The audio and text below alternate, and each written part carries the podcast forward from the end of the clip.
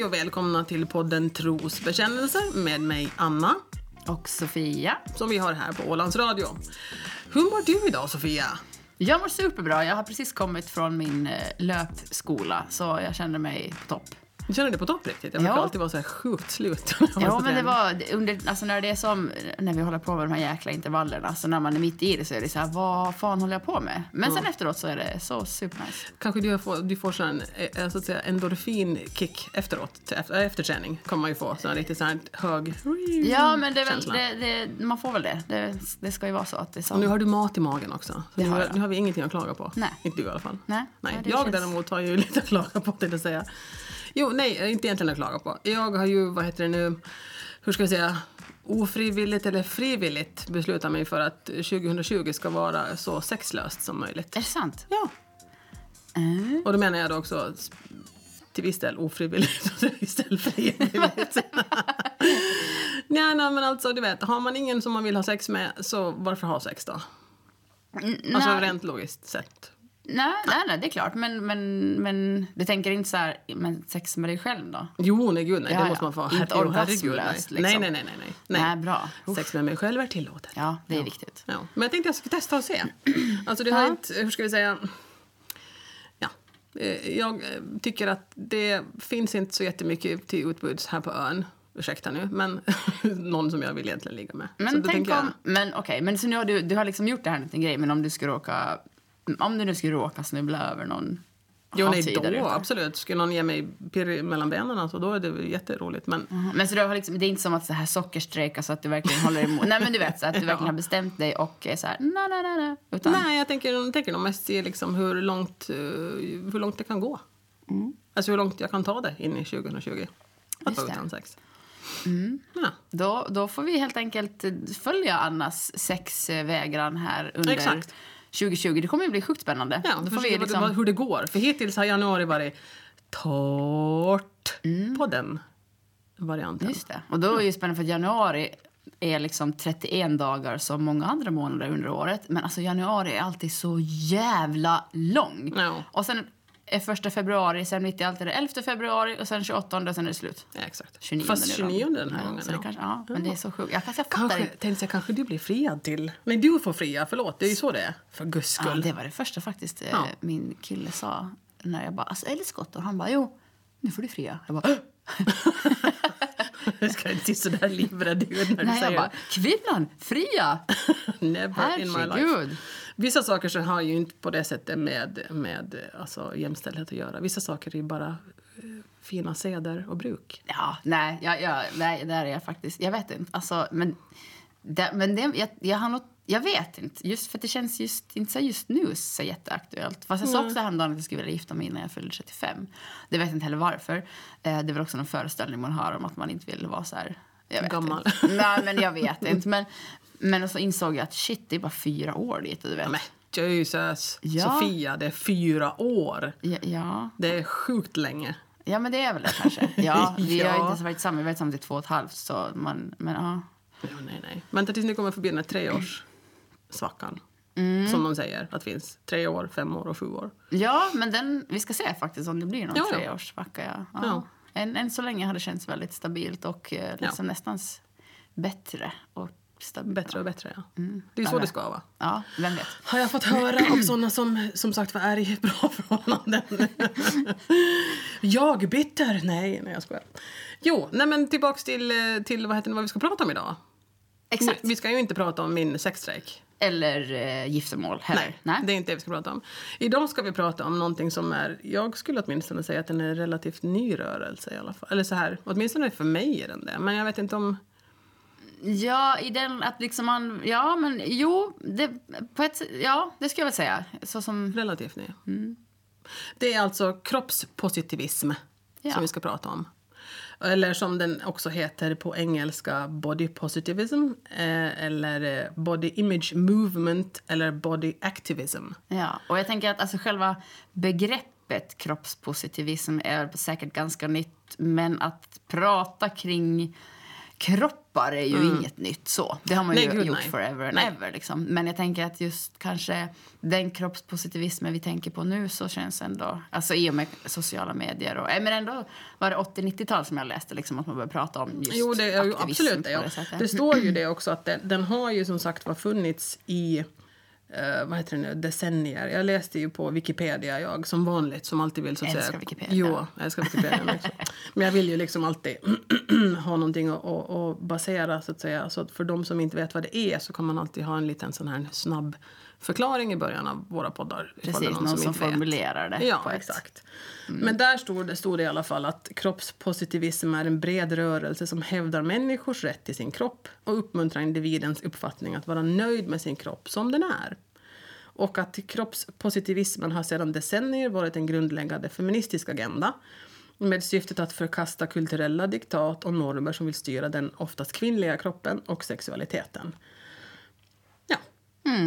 Så det är rätten till att, så att säga, rätten till våra, vara nöjda med våra egna kropp, Ja, kroppar. men ungefär. precis. Och och jag tänker, när jag tänker på kroppspositivism så tänker jag på liksom det man har, alltså såna konton och sånt på Instagram Jo. där det är personer som eh, har liksom konton som är uttalat kroppspositivistiska där man Ja. lägger upp bilder på sig själv och pratar eller skriver kring sin kropp och man kanske har inte normkroppen och den här jätte, ja men den här smala idealkroppen Nej. som, utan man liksom har kurvor och bara är sjukt nöjd med hur, eller hur man ens ser ut egentligen. Ja, Och, och mer eller mindre påklätt och är bara så här liksom, ja, men, glad och nöjd och, och diskuterar Det kring finns, det. Liksom. Jo, och det är liksom också det här med som jag tycker att det är många av de här, oftast kvinnorna då givetvis, som är de här kroppsaktivisterna. Så de, jag tycker ju att de som, okej, de som jag följer är ju lite kurvigare. Kan ju bero på att jag är själv lite kurvigare. Nej, alltså förstås. Men det är just det här med att de, de känns väldigt, alltså deras budskap tycker jag känns som att ungefär att vi ser inte ut som reklamposters vill få oss att tro att alla kvinnor ser ut som. Utan vi ser, så här ser en vanlig, normal kvinnokropp ut.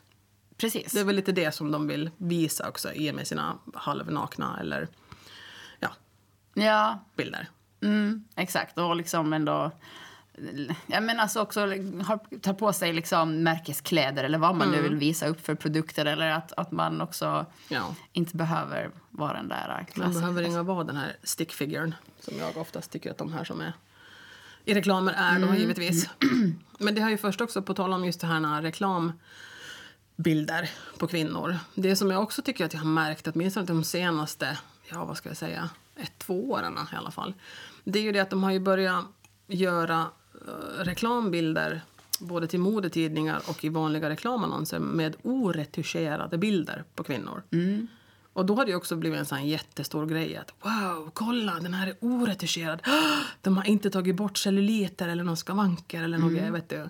Det är en bra grej, alltså i grund och botten är det givetvis en bra grej. Men att det ska bli en sån big deal, det är ju så hemskt egentligen. Vilket ju tyder på att allting annat är ju retuscherat och fejkat och du vet, tillsmalnat. Och det är bra i och för sig att det har blivit lite grann av en rörelse att de nu faktiskt Mm. inte retuscherar så himla mycket på, på kvinnokroppen. Ja, men precis. Men det känns lite som att typ företag då som, som, som väljer att ha bilder med olika kroppsformer som är oretuscherade. Så det är lite, känns lite som... Nu tänker jag på så ordet greenwashing när företag eh, så här, är miljövänliga på ytan men Ja. liksom inte har tänkt om helt och hållet och normen är liksom inte att, att, att ha de här olika kropparna. Nu vet jag inte vad man kan säga ha för ord förutom som, som inte har med miljön att göra. Men Fashion washing. Nej, men alltså att det liksom, nu, nu vinner vi liksom lite poäng på det här. Jo, jo, men jo. egentligen så vet vi att det som egentligen sen ändå säljer så är det här, alltså, de här normkropparna ändå. Men var det inte så att jag tyckte att, vad heter det nu förut när jag var yngre, nu säger jag inte hur mycket yngre, men Benetton, var inte de väldigt duktiga på dem på sina reklamkampanjer när det kom till att visa just de här eh, alla olika folkslag, alltså eh, mörka, alltså asiater och sådana saker, också olika kropps... Men det här var ju ändå för typ tio år sedan tycker jag, att de hade ju mycket så här reklamkampanjer med Ah, visa svältande barn och vet du, såna, de, de, det, var någon, alltså det var någon jättekänd fotograf som jag inte kommer på namnet nu som var med och hjälpte till och gjorde någon sån jättestora reklamkampanjer. Bland annat där hade de ju människor i alla olika storlekar och längder och hudfärger och vet du så här. Så de var ju nog först då, det var ju väldigt alltså, uppseendeväckande Jaha. reklamkampanj då. För då var ju, det var ju inte den här kroppspositivismrörelsen riktigt igång om vi säger så. Så det då- måste ha varit tio år sedan eller mer. Du får googla den sen, den var, jätte, alltså, den var jättebra. Ja, Jag Benetton känner jag inte, alltså jag är ju inte, alltså det är jag inte alltså, inte alls duktig på märken. eller, Nej. eller liksom, Men det är nog, det är nog ett sånt lite mer vanligt märke. Det är Ja. inget, det är, jag åtminstone så uppfattar ju inte det som, som någon slags här, du vet. Ja, men jag tänker typ på de här klädkedjorna som är liksom de här lite billigare där folket handlar. Mm. Så där känns det lite ändå som att det går hem lite mer med, med, med liksom den typen av reklam.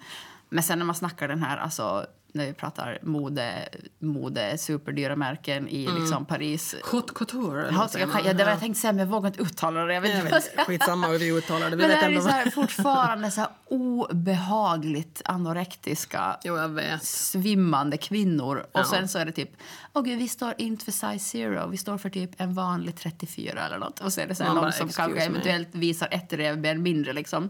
Och så är de så här skitstolta. Man bara, really?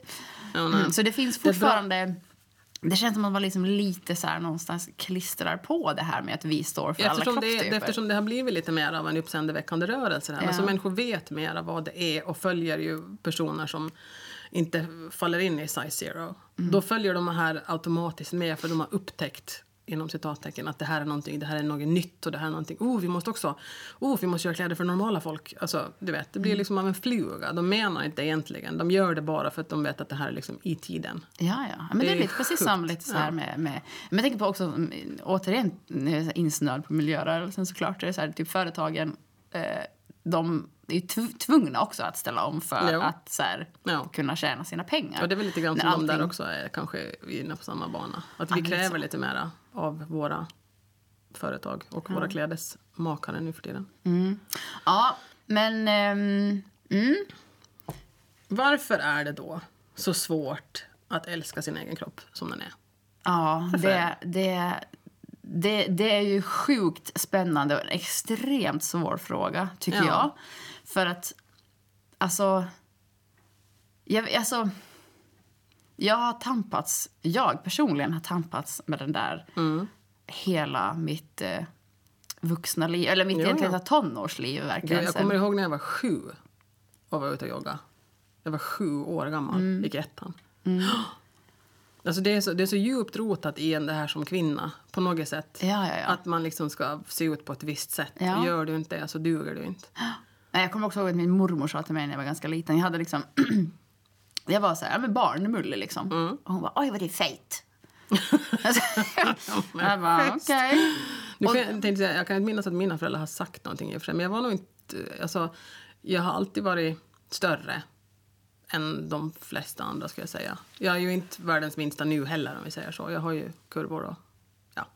Men jag vet inte, alltså, det där, jag kan inte minnas att, det, att någon skulle ha sagt åt mig någonting specifikt. Alltså varken du vet, föräldrar eller kompisar eller någon annan skulle ha liksom påpekat Mm. ungefär att du, du vet att du börjar bli lite stor nu eller något sånt där. Det där kändes som att det var liksom helt och hållet min egen idé.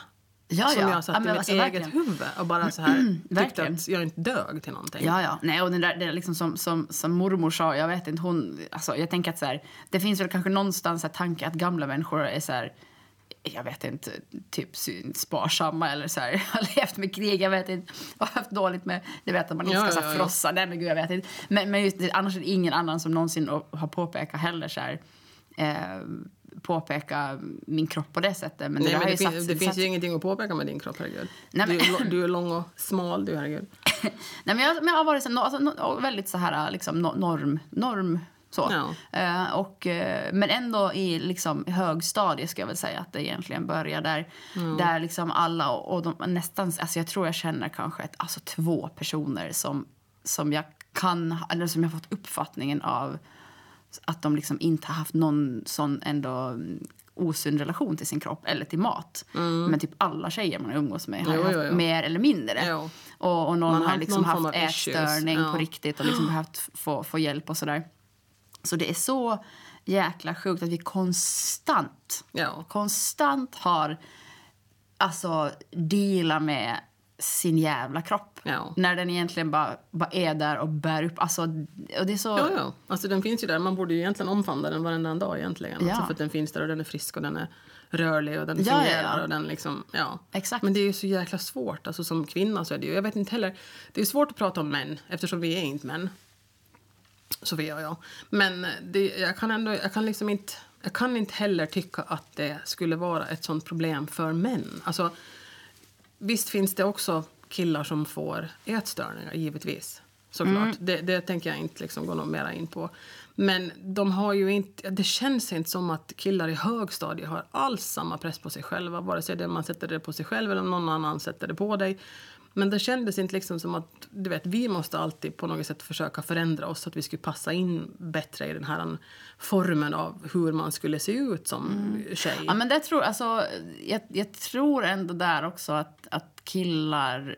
Jag tänker att just i så här, typ tonår och, och eller, alltså, efter tonår också, men att det också finns någon slags norm att hos en, en, en kroppstyp hos killar som också eftersträvar. Fast jag tror liksom. inte att de bryr sig lika mycket. Jag tror inte det. Jag tror att de tycker Nej, att de men jag tror inte heller att det är samma utsträckning. Nej, men jag, alltså, fixeringen vid, vid utseende så tänker jag ju mig kanske att det är på ett annat sätt. Men, men jag tror ju nog också att den där pressen finns hos, hos, hos unga killar som liksom Mm. står och bara önskar att de hade större muskler eller liksom... Större kuk. Ja. Nej, ja, ja, men det är samma som att vi så här, jag har, jätte, har, liksom, har jättesmå bröst och Mm. nu typ, tycker jag det är fantastiskt. Men när jag var yngre så var det jättejobbigt. Ja. När jag bara, gud ska jag aldrig få några jävla bröst? Liksom bara, hallå? De stannar i växten. ja, eller hur? Liksom någon, de, då har man ju också fått, fått höra det, typ, ah, jävla myggbett eller så lingon, typ. Jo, ja, men det, var, men det var, var inte oftast killar som sa det också? Ja, ja. Jo, Typ såklart. Ja. Ja, och, och det var ju liksom superjobbigt och alltså, Ja. men ja. Ja, det är åtminstone den tiden som man tänker tillbaka på tonåren och högstadiet och fram till ungefär, ja vad ska jag säga, 25, 30, 30 tror jag närmare. Den tiden var ju lite, hur ska vi säga, lite lätt ångestfylld när det kom till sin egen kropp. Ja, det är ju, den ändras ju nog när man blir äldre, hur man uppfattar, alltså man blir ju, mera, ju äldre man blir så blir man mera uh, att uppskatta att den faktiskt, du vet, är rörlig, den är frisk, vad jag vet, och så vidare. Och att man kan dansa, cykla, springa. Man har, nu har jag också fött två barn och vet liksom känslan av att bära barn alltså inom mig. Sen var jag ju också gjorde, efter mina två barn, så var jag också gjorde en bukplastik i Stockholm. Ja. Och det där, vad heter det nu? Det där så, så var ju också en så att säga inre sån här strid med mig själv. För att delvis, mina två barn föddes med kejsarsnitt, varav det första var akut. Och det förstörde ju hel, alltså min mage helt och hållet. Det satt min mage bland annat, min mage såg ut att vara delad i två. Om jag fick så mycket lös hud och ja, det var mycket som helt enkelt inte såg ut som det gjorde före. Och vad heter det nu, jag kände ju att ja, men nu har du fött barn. Och då blir det så där. Var tacksam över att du och barnet överlevde och att du liksom klarar av att bära dina barn och så vidare och så vidare. Alltså den här genuina uppskattningen för vad ens kropp kan klara av. Men samtidigt så kunde jag liksom inte, alltså jag kunde inte se mig själv leva i min mage så som den såg ut då. Alltså det gick inga. Jag hade ju i och för sig problem med att ha vanliga trosor på mig för de här du vet, ärrena och valkarna och allting, det skavde och det, du vet, det var rent funktionellt så funkar det inte för mig. Så jag vad heter det nu, sparade ju ihop pengar jag och for till Stockholm och gjorde en bukplastik. Så att jag skulle få tillbaks min mage så som den såg ut före. Och det där kom, kan ju säkert många tycka att det där är- var fult av mig att göra. Ja, alltså jag tänker... När det kommer till så skönhetsingrepp så, så tänker jag att det finns säkert en massa olika åsikter och funderingar kring det. Och jag själv också funderar på så här... Har väl också åsikter kring diverse ingrepp av eh, så här, som jag kan tycka är onödiga. Men, men den, där, den där är ju rätt intressant just när man ja, men, har fått barn till exempel Ja. och att magen faktiskt blir som en stor, bara liksom Det blev säck som en krigskarta. Ja, och då, och då och sen, det är liksom också lätt för en person, när jag liksom sitter här och, och, och har liksom, ja, men, ingenting på klag. Alltså, det finns ingenting som jag på det sättet som, så det är svårt för mig att säga. Jag kan inte Nej. säga så här, men gud kan inte folk bara lära sig leva med sin degmage? Det kan inte jag sitta och säga. Nej, man är ju inte själv. Alltså, det handlar väl alltid om... Jag har ju också, för efter min, min bukplastik, så före det så var jag väldigt anti det här med just plastikoperationer. Du vet, jag kunde inte förstå människor som du vet satte in silikonbröst och sådana saker. Ungefär. Du vet, lev med det du fick ungefär. Men efteråt så blir man ju lite mer att förstå liksom, att ja, ja, men de personerna som kanske satt in silikonbröst kanske inte hade någonting överhuvudtaget där före. Och faktiskt inte kändes, alltså deras kropp faktiskt inte kändes kanske som deras egna. Alltså förstår du att de, de saknade det här med de här brösten som de inte fick genetiskt. Och bara helt enkelt ville ha för att känna sig som en kvinna. Jag menar, jag kände ju mig väldigt mycket mindre som en kvinna med min känguru-mage. Vet du, med veck och med, med hudflikar och konstigheter och du vet, pösmunkmage. Plus att mina, mina muskler som, som de separerar ju sig, magmusklerna. Ja. För att det ska få rymma den här barnet där. De får ju aldrig heller ihop. Så så fort jag åt någonting så såg jag ut som att jag var gravid igen. Hela min liksom magsäck föll ut i maghinnan. Alltså det var ett, Just det, men de typ sitter ihop dina muskler också eller? ja. Absolut det. För det var ju liksom själva, ska, inte skada, men ja, vad ska man säga, en skada från graviditetstiden. Att de, de gick inte tillbaks. Nej, precis. För vissa så gör de ju inte. Nej. Och vissa lever med det och vissa klarar inte av att leva med det, som jag gjorde. Nej. Jag klarar inte av det. Nej, men, då, nej, men precis. Men då kommer man ju tänka att också...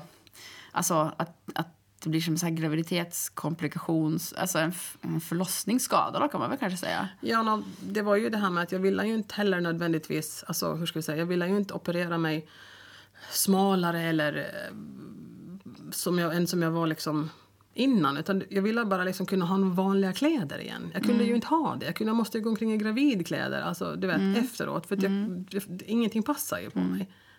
Såg ju bedrövligt ut. Ja, nej, och där tänker jag ändå, där vågar jag mig nog ändå på att säga att det finns ju ändå en skillnad där i att liksom deala med den grejen än att man känner att man behöver så här konstant springa och lägga in och botox för sin lilla bekymmersrynka. Jo, nej, nej. liksom. Det- jag vet jag, inte. Jag sätter ju också en viss hur ska jag säga, gradering där på de här. Jag, jag, är inte heller, jag tycker inte att plastikoperationer där man sätter in dubbel F silikonpattar heller är liksom riktigt klokt, helt ärligt talat. Ja, Nej, för det är en viss skillnad. Så människor, vissa verkar ju gå liksom helt crazy på det där. Alltså de fortsätter också, du vet det är i läpparna och det är i brösten och sen så ska de snäva till fittan och de ska, du vet, rakt. nej, men precis. Alltså, jag tänker att det är lite så här småstegens tyranni också sen när Ja. man ser så här och sen till slut så... Börjar man se allting som man tycker att är fel. Vet, Nu fixar jag näsan men nu är läpparna fel och sen är brösten fel och sen är...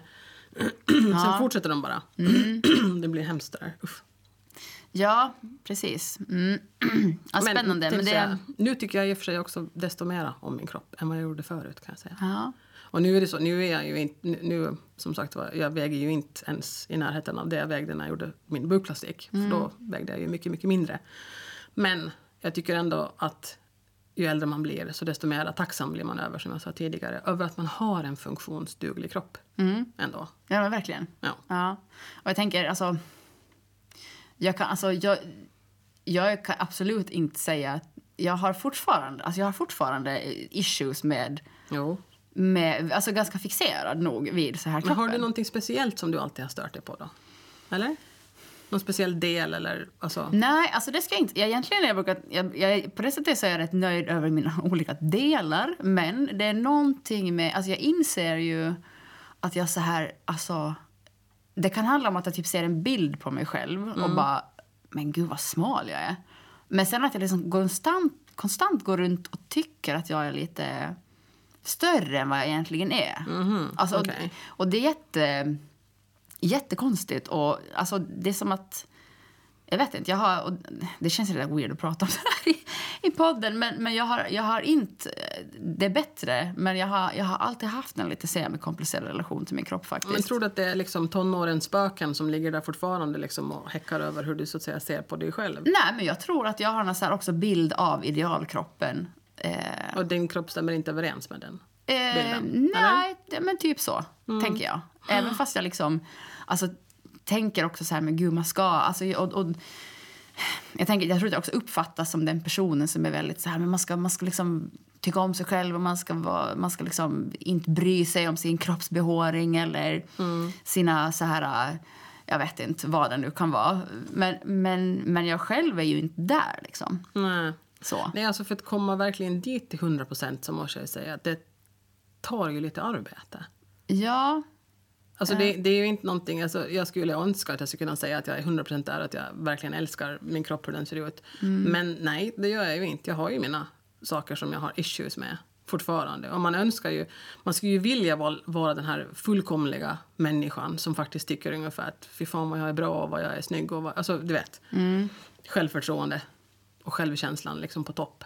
Men det, Ja, men, men det går liksom också i vågor. Och, sen, och det måste jag ju säga så här, när, man, när jag också har... Alltså när jag var då yngre eh, och jag har aldrig varit en sån person som har motionerat särskilt mycket. Jag har snarare varit så här, tvärtom typ, inte liksom träna eller rökt en massa cigg och var så här, på det sättet liksom rätt osund.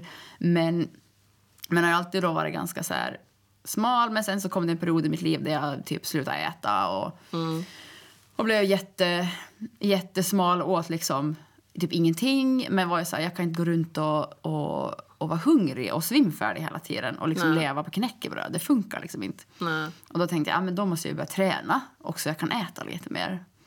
Eh, och så började jag ju, du vet, så här, istället skaffa en PT. Det här var alltså en väldigt kort period, men en väldigt jobbig period.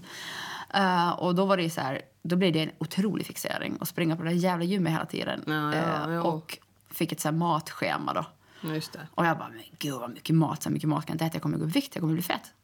Så du vet, åt jag ändå lite och, och jag blev ju en horribel person. Alltså en överjävlig människa. Jag tänkte säga, du kan inte vara på så gott humör då? Nej, Nej, och min, min eh, en, en kompis så sa hon, hon faktiskt sa hon bara alltså du går inte, går inte umgås med dig liksom.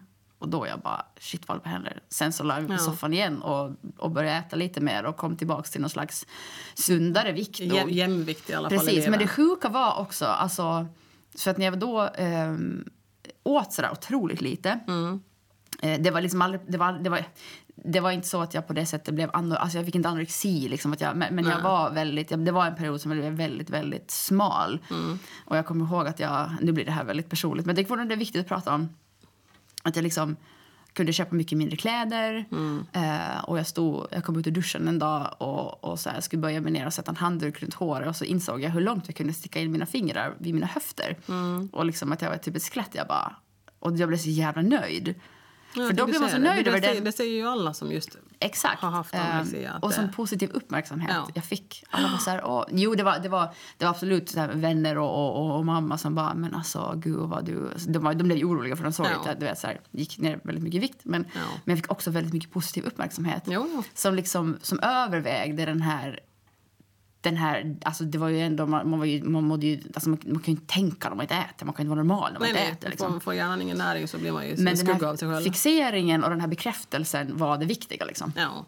Eh, Så. Ja, Eh, det- Men, men det här sen så, så, så blev eh, bättre med, med, med tiden för det fanns ändå något slags, liksom, någon där inne som bara Hörde du, du, du ska inte gå längre. Du ska, du ska liksom inte hamna i det här sjukdomstillståndet. Så, liksom. så det Nej. gick inte så, så långt. Men, och sen har men jag har fortfarande, alltså, de där tankarna finns Ja. absolut fortfarande kvar. De finns ju fortfarande där och de brukar kunna ploppa upp ibland. Jag menar, Ja. Det där vet jag också när jag var, jag kommer inte ihåg hur gammal jag var, nu var jag 17 kanske eller vad jag var. Så 17 eller 18. Då levde jag typ ett år på yoghurt och rivna morötter också.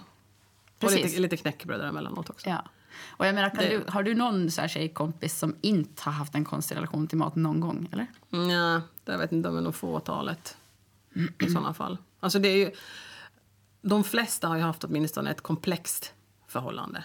Att det har aldrig varit liksom, hur ska jag säga, ett sunt genomgående genom hela livet i alla fall. Någonstans har vi alla lite fallit av där och Exakt. haft eh, periodvis. Ja. Nej, det är svårt det där som sagt va. Det är jättesvårt, men, men just nu i, i, i dagsläget och alltså innan... Nu, liksom, sen, sen fyllde jag, det, var, det hände något när jag fyllde 30. Liksom. Ja, innan, precis innan jag fyllde 30 slutade jag röka, jag började använda tandtråd. Och jag tänkte att nu kanske jag måste börja röra på mig.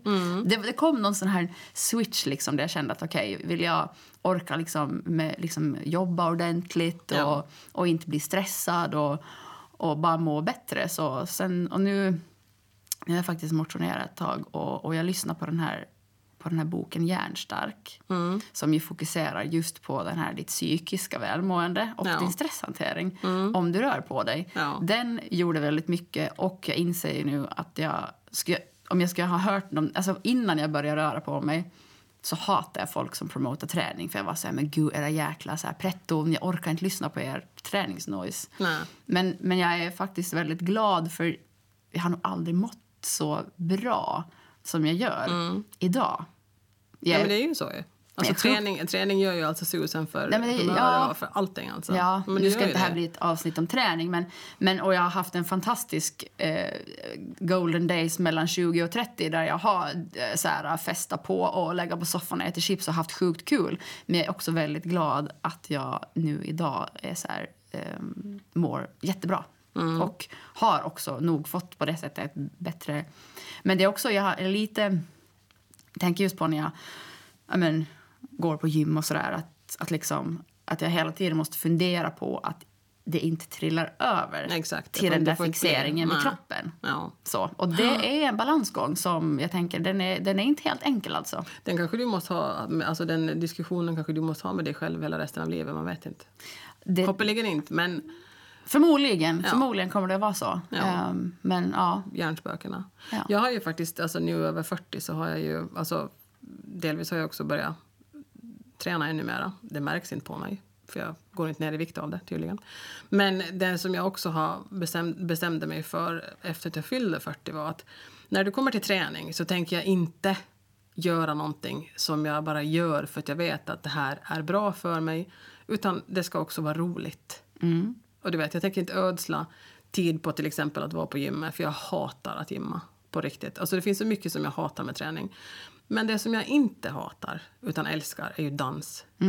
Och det är ju det som jag helt enkelt eh, har sagt att nu tänker jag inte ödsla tid med på att göra sånt som jag inte tycker om, utan nu tänker jag bara göra det jag älskar. Så det har ju blivit då, du vet, kurser i bugg och går fortfarande på salsan och så dansar jag ju zumba också. Och det är så himla mycket lättare att ta sig till träningarna om du vet att du får göra någonting du verkligen älskar att göra också. mm, eller hur? Ja. Inte för att ta- prata om för mycket om träning, men ett tips just det här med att, att tycka om sin kropp, det handlar ju också om att du ska göra det du älskar att göra med din kropp. Ja.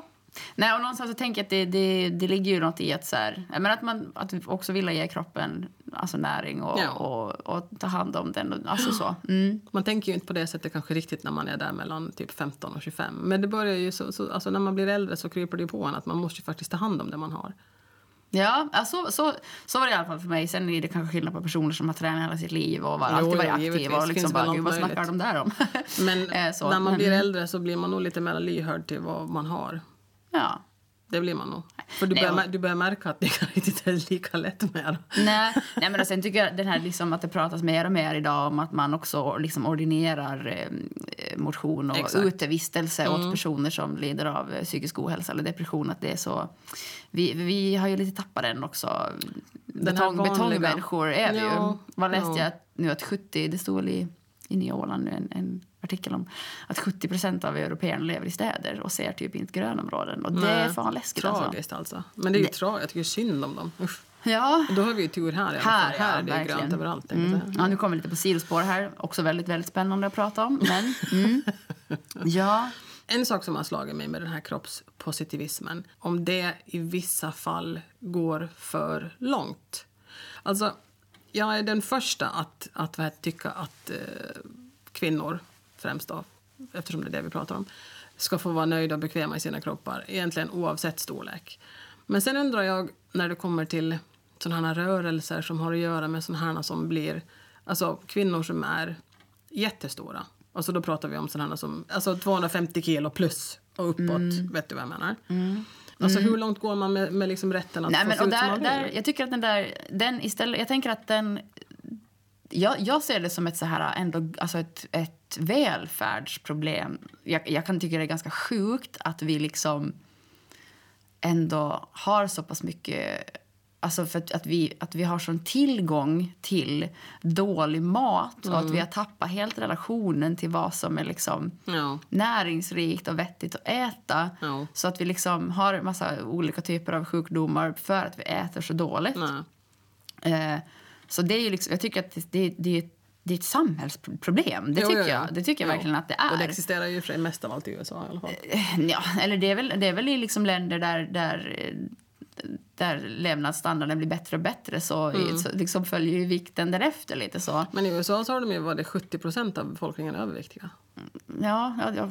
Jo, alltså jag tänker att, att liksom där i, i, i rikare länder så, så har vi ju mer övervikt. Så är det ju. Och Jo, folk ja. rör på sig allt mindre också. Ja. Så jag tänker det, det jag, säger, jag, jag tycker absolut att det är problematiskt. Eh, men, men jag tänker att det är på något sätt en annan... Ja, jag vet inte, man, man kanske inte alltid behöver blanda ihop... Eller jag vet inte, det, det är inte, inte helt enkelt. Men fortfarande, faktum, så har vi ju eh, ett kroppsideal som, som inte är sunt heller ändå. Ja, och som de flesta av oss inte passar in i. Exakt. Och jag tänker att då är ju så här kroppspositivistiska konton där man bara visar Ja. liksom... Jag kan tänka att jag tycker det är fantastiskt med typ, men om det är såna supersnygga influencers som liksom konstant lägger upp så här fantastiskt snygga bilder eller så här fitnesskonton med personer som, som är så här... Eh, jag, jag följer inte så mycket så här konton för jag blir bara stressad. Men, men, Ja. nej, men med personer som, som konstant ser snygga ut och, och, och är duktiga och fitta och sådär som sen lägger upp typ, ja, nu har jag typ mens. Eh, det här är en helt oredigerad bild. Så här ser jag ut på min vilodag mellan träningen. Min mage står ut. Bilden jag la upp igår när jag har magrutor. Då står jag och är liksom nypumpad på gymmet och kanske till och med lite inoljad. Att så ser jag liksom ut då. Men i verkligheten kan jag se ut så här också. Det tycker jag är supernice. När man liksom Eh, eller någon influencer tidigare som la, jag, jag har ingen aning om vem det var, men som typ också beskrev hur otroligt mycket tid som lades ner på de här Ja. bilderna. Alltså redigering och timmar av så här foto, shoot och Ja. grejer. Och man bara så här, det är ju fan befriande om någonting. Jo, tycker jag. Eh, eh, och att, ja, men att liksom, och Stina Wollter tycker jag är fantastisk när hon liksom står och dansar. Och Hon är ju, alltså, hon är ju Ja. fan bäst. Alltså. Henne följer vi båda två, ja. Ja, hon är otroligt. Och hon, det som ju har, jag har blivit helt så jävla förbannad på är ju att hon liksom lägger upp bilder på sin nakna kropp utan Mm. att visa nipples eller fiffi. Och de blir konstant borttagna och hennes Ja. konto blir konstant blockerat. Och så Ja. finns det miljontals alltså, semi-porrkonton Exakt. Som Ja. aldrig blir borttagna. Och jag tycker Nej. det är så jävla sjukt. Men det för, det, det för det ses ju, hennes kropp ses ju som grotesk. Alltså det är ju det som det handlar om. Alltså det handlar ju om de här, och så är det liksom... hur man ska se ut kontra hur vi faktiskt Ja, men ser argumentet är ju så att du visar naket. Det är förbjudet ut. Jo, men på, på säg vem Instagram. fan som inte gör det på Instagram då? Alltså inte jag, men jag menar alltså sådana som liksom har konton för att de vill visa upp sig.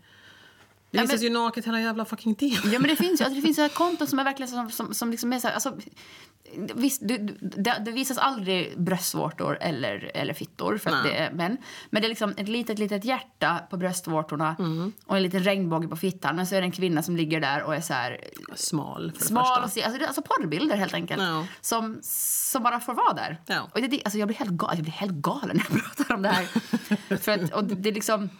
Lugna fin nu Sofia. Nej. Ja, Nej, nej, men det- alltså, det är det som är grejen. Alltså, det, är på något sätt, det, det är som att det är någonting som skulle vara stötande med att visa en helt vanlig kvinnokropp. Som Ja. har fått barn som är, vad är hon, över 50?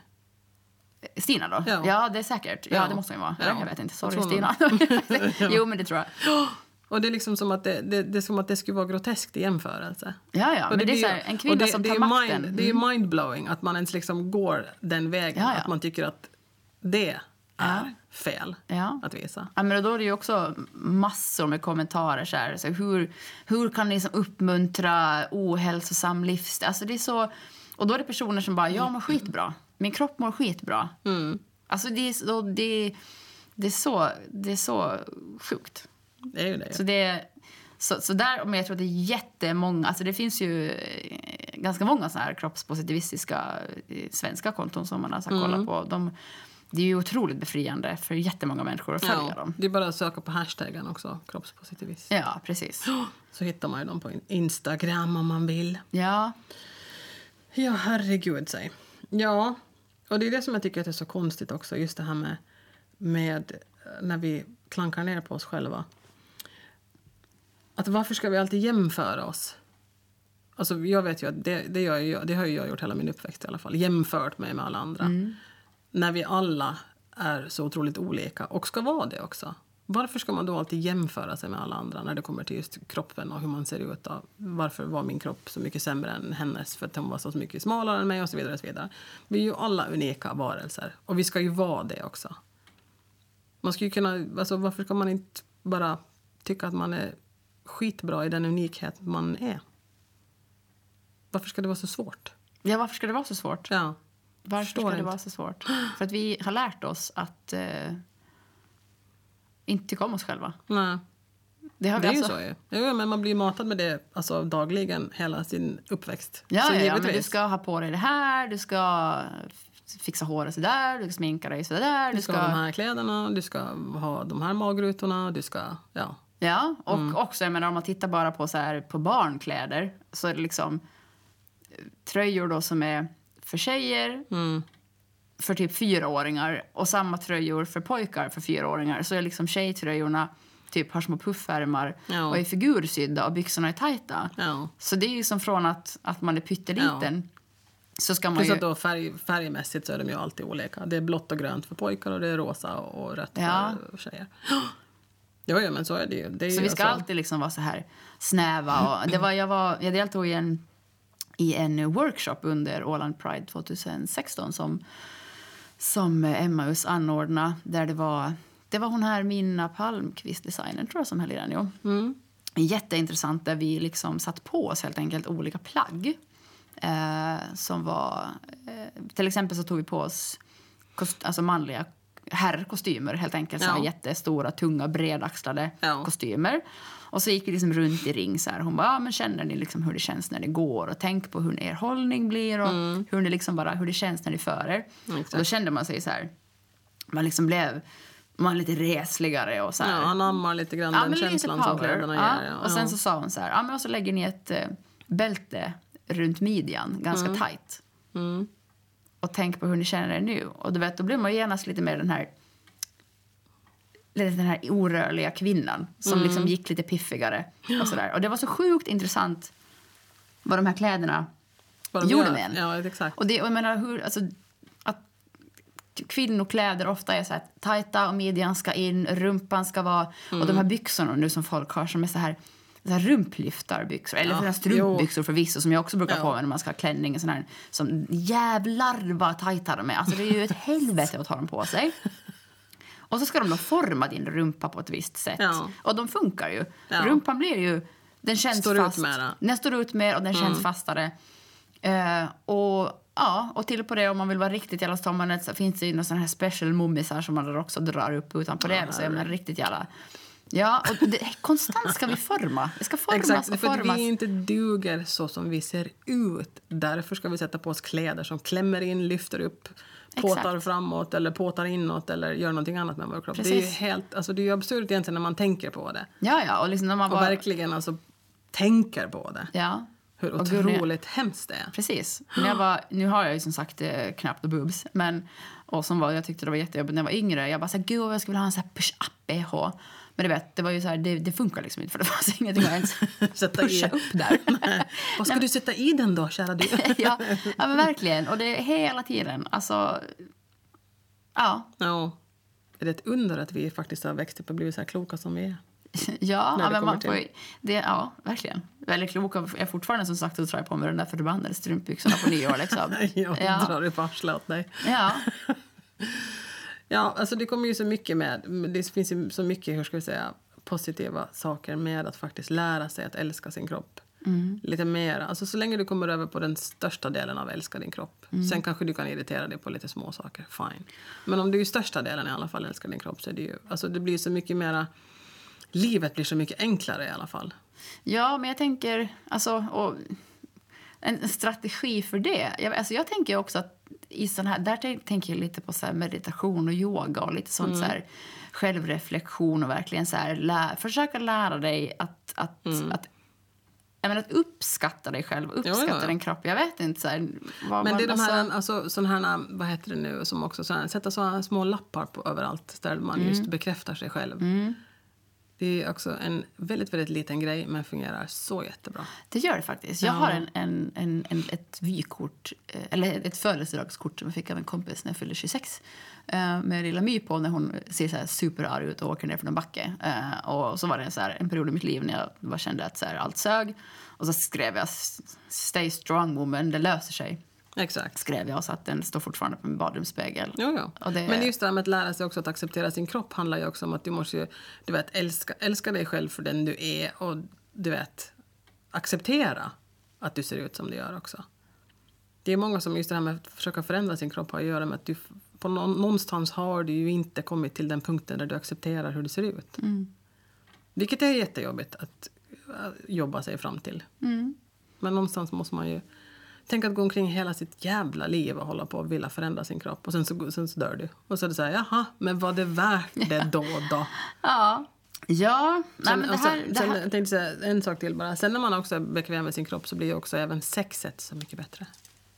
ja, men alltså, eller hur? Alltså, Ja. det, det är ju också en jätteviktig aspekt, tänker jag. Att, Ja, om du verkligen så att säga är nöjd med liksom hur du ser ut. Så det är Mm. Ja. klart att då sitter du inte och funderar på det när du har sex Och då är det fantastiskt också att ha en partner som typ bara, du vet, så här, bara gud, liksom älskar allt med Man en älskar varje inte- centimeter av dig ändå. Ja, ja, eller hur? Fastän man tycker att man har för stor röv eller för... Ja. Precis. Nej, men det blir ju så mycket mera... Då blir ju sexet faktiskt så som, man, liksom, som det är meningen att det ska vara. Alltså att du ska verkligen njuta av det. Precis. Och inte bara "Okej, så här, in med bagen och puta lite där och så bara just det, fan jag känner inget. Är vi färdiga redan? Jaha, okej. mhm. Jag höll på att fundera på magen, ja. Nej, men det blir ju också det. Samtidigt också så tillåter man sig att njuta mer av sex som sagt var, men alltså njuta mer av kanske god mat och... Alltså om du bara liksom försöker... Ja, men och det här, det här your body is your temple, det låter ju så jävla töntigt att säga, men det är så jävla sant. Nej, men det är det. Den bara är där och, och, och bär upp ditt jag, liksom. Och ja, ta hand om den. Försöka vara lite också förlåtande mot dig själv när du kommer till din kropp Ja. också. Det är inte meningen att vi alla ska se ut som fotomodeller. Vi ska se ut som vi gör. För vi är unika och de vi är. Och vi är, vi är verkligheten. Exakt, Ja. så är det ju.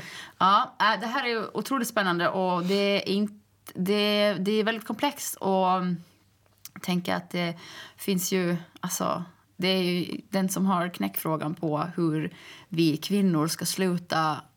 sluta att hur ska vi komma överens med oss själva? Det kanske inte vi har, hade svaret på här idag, men det har varit superintressant att, att prata om och otroligt viktigt. Och vi är superimpade över alla kroppspositivistisk, kroppspositivistiska aktivister där ute som, Ja, exakt det. Som kämpar på. Ehm, ja, Vi dyrkar marken de går på. men eh, ja, det var väl... Eh, vi får avrunda här, tror jag. Ja, kom ihåg att mejla in ifall ni har några åsikter eller frågor eller vad som helst på Ja. trosbekännelser snabel-alandsradio.ax om ni vill säga någonting till oss. Yes. Utöver det så säger vi bara ta hand om varandra. Och gör ingenting som ni inte själva vill. Puss och kram! Puss och kram. Roligaste ever-bilden. Ha ha ha. Okej, jag måste skratta färdigt först.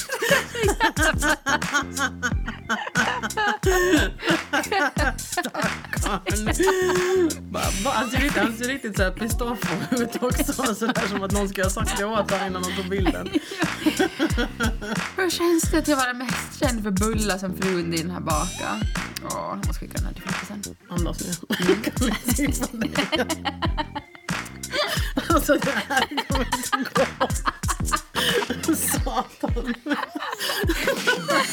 För evigt. Vi måste slå ihop affären och gå hem. You're a genius.